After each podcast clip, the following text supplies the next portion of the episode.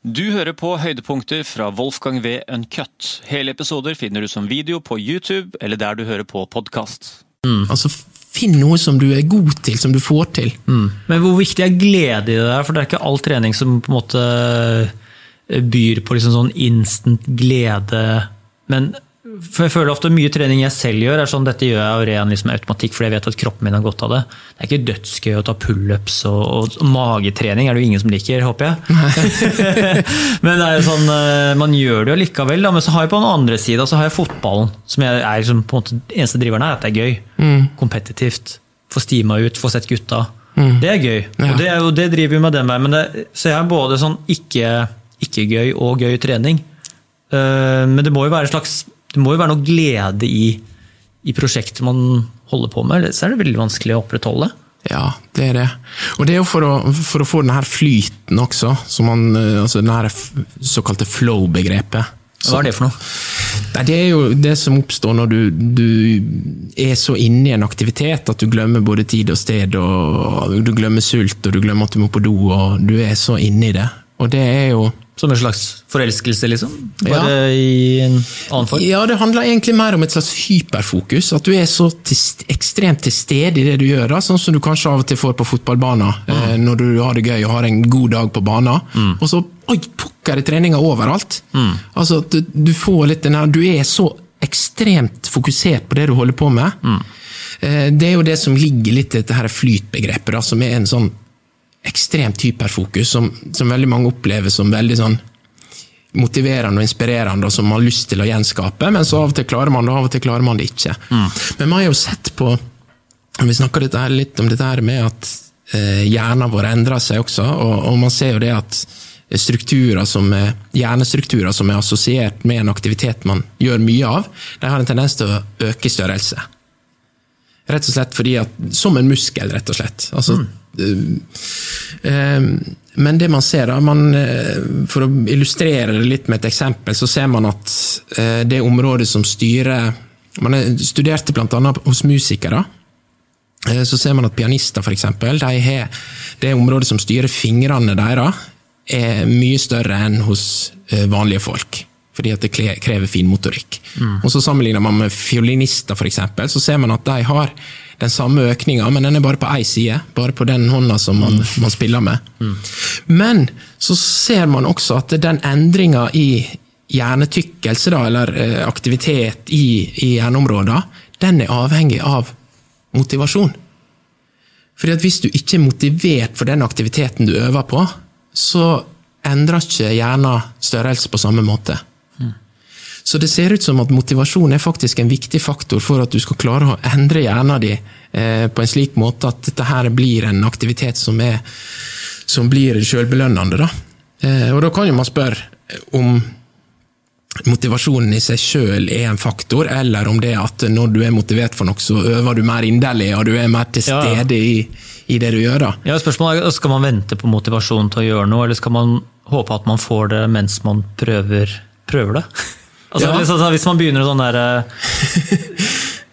Ta en overvektig person da, som ikke har eh, noe særlig treningserfaring og skjønt at liksom, må trene, så dør du, liksom, sier legen. da. Altså, okay, men da er, ikke, eh, ja, det er du faktisk ganske motivert, det var et dårlig eksempel, men altså, hvis du ikke skal dø, da, men bare er har, Du er bare ute av form, da. Du er veldig har null motivasjon til liksom, å sette i gang med noe som helst. Da er det jo da er det jo ganske langt liksom, å komme i gang med løping til å, til å bli motivert for å løpe enda mer. Du må liksom, det, det er liksom som vi var inne på helt i starten, du må løpe ganske mye før du blir glad i det. Eh, og det er, vel, det er jo nesten kanskje den største terskelen å, å finne noe du blir motivert av Uh, når det kommer til liksom å sløse med kreftene. For vi har jo, ikke, vi har jo innerst inne ikke lyst til å sløse med kreftene våre heller. Nei, det er jo, vi er jo innebygd late. Vi, Ja. jo, eh, vi har jo en slags sånn iboende latskap å søke etter, etter rolige aktiviteter som kan spare energi. Eh, men eh, Nei, men altså det er jo igjen dette her med å, å klare å finne motivasjon. Da, den, det er jo noe av det arbeidet når jeg jobber med idrettsutøvere, f.eks. for eksempel, som, som kanskje har trent så lenge på aktiviteten sin at de er det er rett og slett, eh, Det er blitt en vane. De trener av vane, de trener veldig bra, de trener veldig mye. Men de er ikke motiverte. Nei. De har lyst til å vinne, for det er jo det de gjør. Jeg er jo idrettsutøver, og jeg, jeg må jo konkurrere, og jeg har lyst til å vinne. Og jeg trener masse, men det er ingen motivasjon. Så handler det jo om å, å leite da, og finne, og det, det er jo, det trenger ikke være toppidrettsutøver, men det er jo eksempelet ditt også. da, Man må jo på en måte finne en, en aktivitet eller en slags motivasjon, et insentiv. Det, du, det er jo ikke alle som blir skremt til å trene av å få beskjed av legen at de kommer til å dø heller. Nei. Noen klarer jo ikke å begynne å trene likevel. Ja. Ja, ja. Så man må på en måte finne sin motivasjon, da. Og det er jo noe som, som eh, man eh, gjør lettest, tenker jeg, sammen med andre. Og det trenger ikke å være en profesjonell. Det kan jo være en familiemedlem eller en god venn, eller der man snakker litt om det og utforsker det litt. Men man må jo nødvendigvis altså Det er jo mye snakk om den såkalte komfortsona, da. Altså, jeg tror det at for at man skal endre vane eh, Det er jo litt som du eh, Altså, hjernen elsker jo vaner. Når ting går på autopilot, så da sparer hjernen energi, og det liker den. Sånn at hvis man er vant til å ha et inaktivt liv, eller eh, plutselig bestemmer seg for at nå er jeg lei av å stå på samlebåndet, nå skal jeg ta en utdannelse, så krever jo det en, en, på mange måter en livsstilsendring. Eh, og da må man bryte de mønstrene, de vanene man har. Og da må man ut av den såkalte komfortsona. Da må man gjøre ting som ikke er intuitivt, som er vanskelig, som er tungt, ubehagelig. Kanskje det gir eh, både angst og andre ting også. Men man må på en eller annen måte bryte ut av dette her mønsteret sitt. da. Og Det gjelder også for psykiske lidelser eller andre ting. Man må bryte det mønsteret fordi man er inne i et mønster som, som ikke er bra. da. Eh, Og det tar tid. Så det er jo sånn at du kan ikke Altså Hvis du skal lete gjennom alle idretter før du finner noe som du er interessert i, ja, da er du jo allerede i ganske god form, da, hvis du rekker innom alle idretter. Men, men, eh, men man, må, man må liksom bruke litt tid på å lære seg å like ting også. Mm.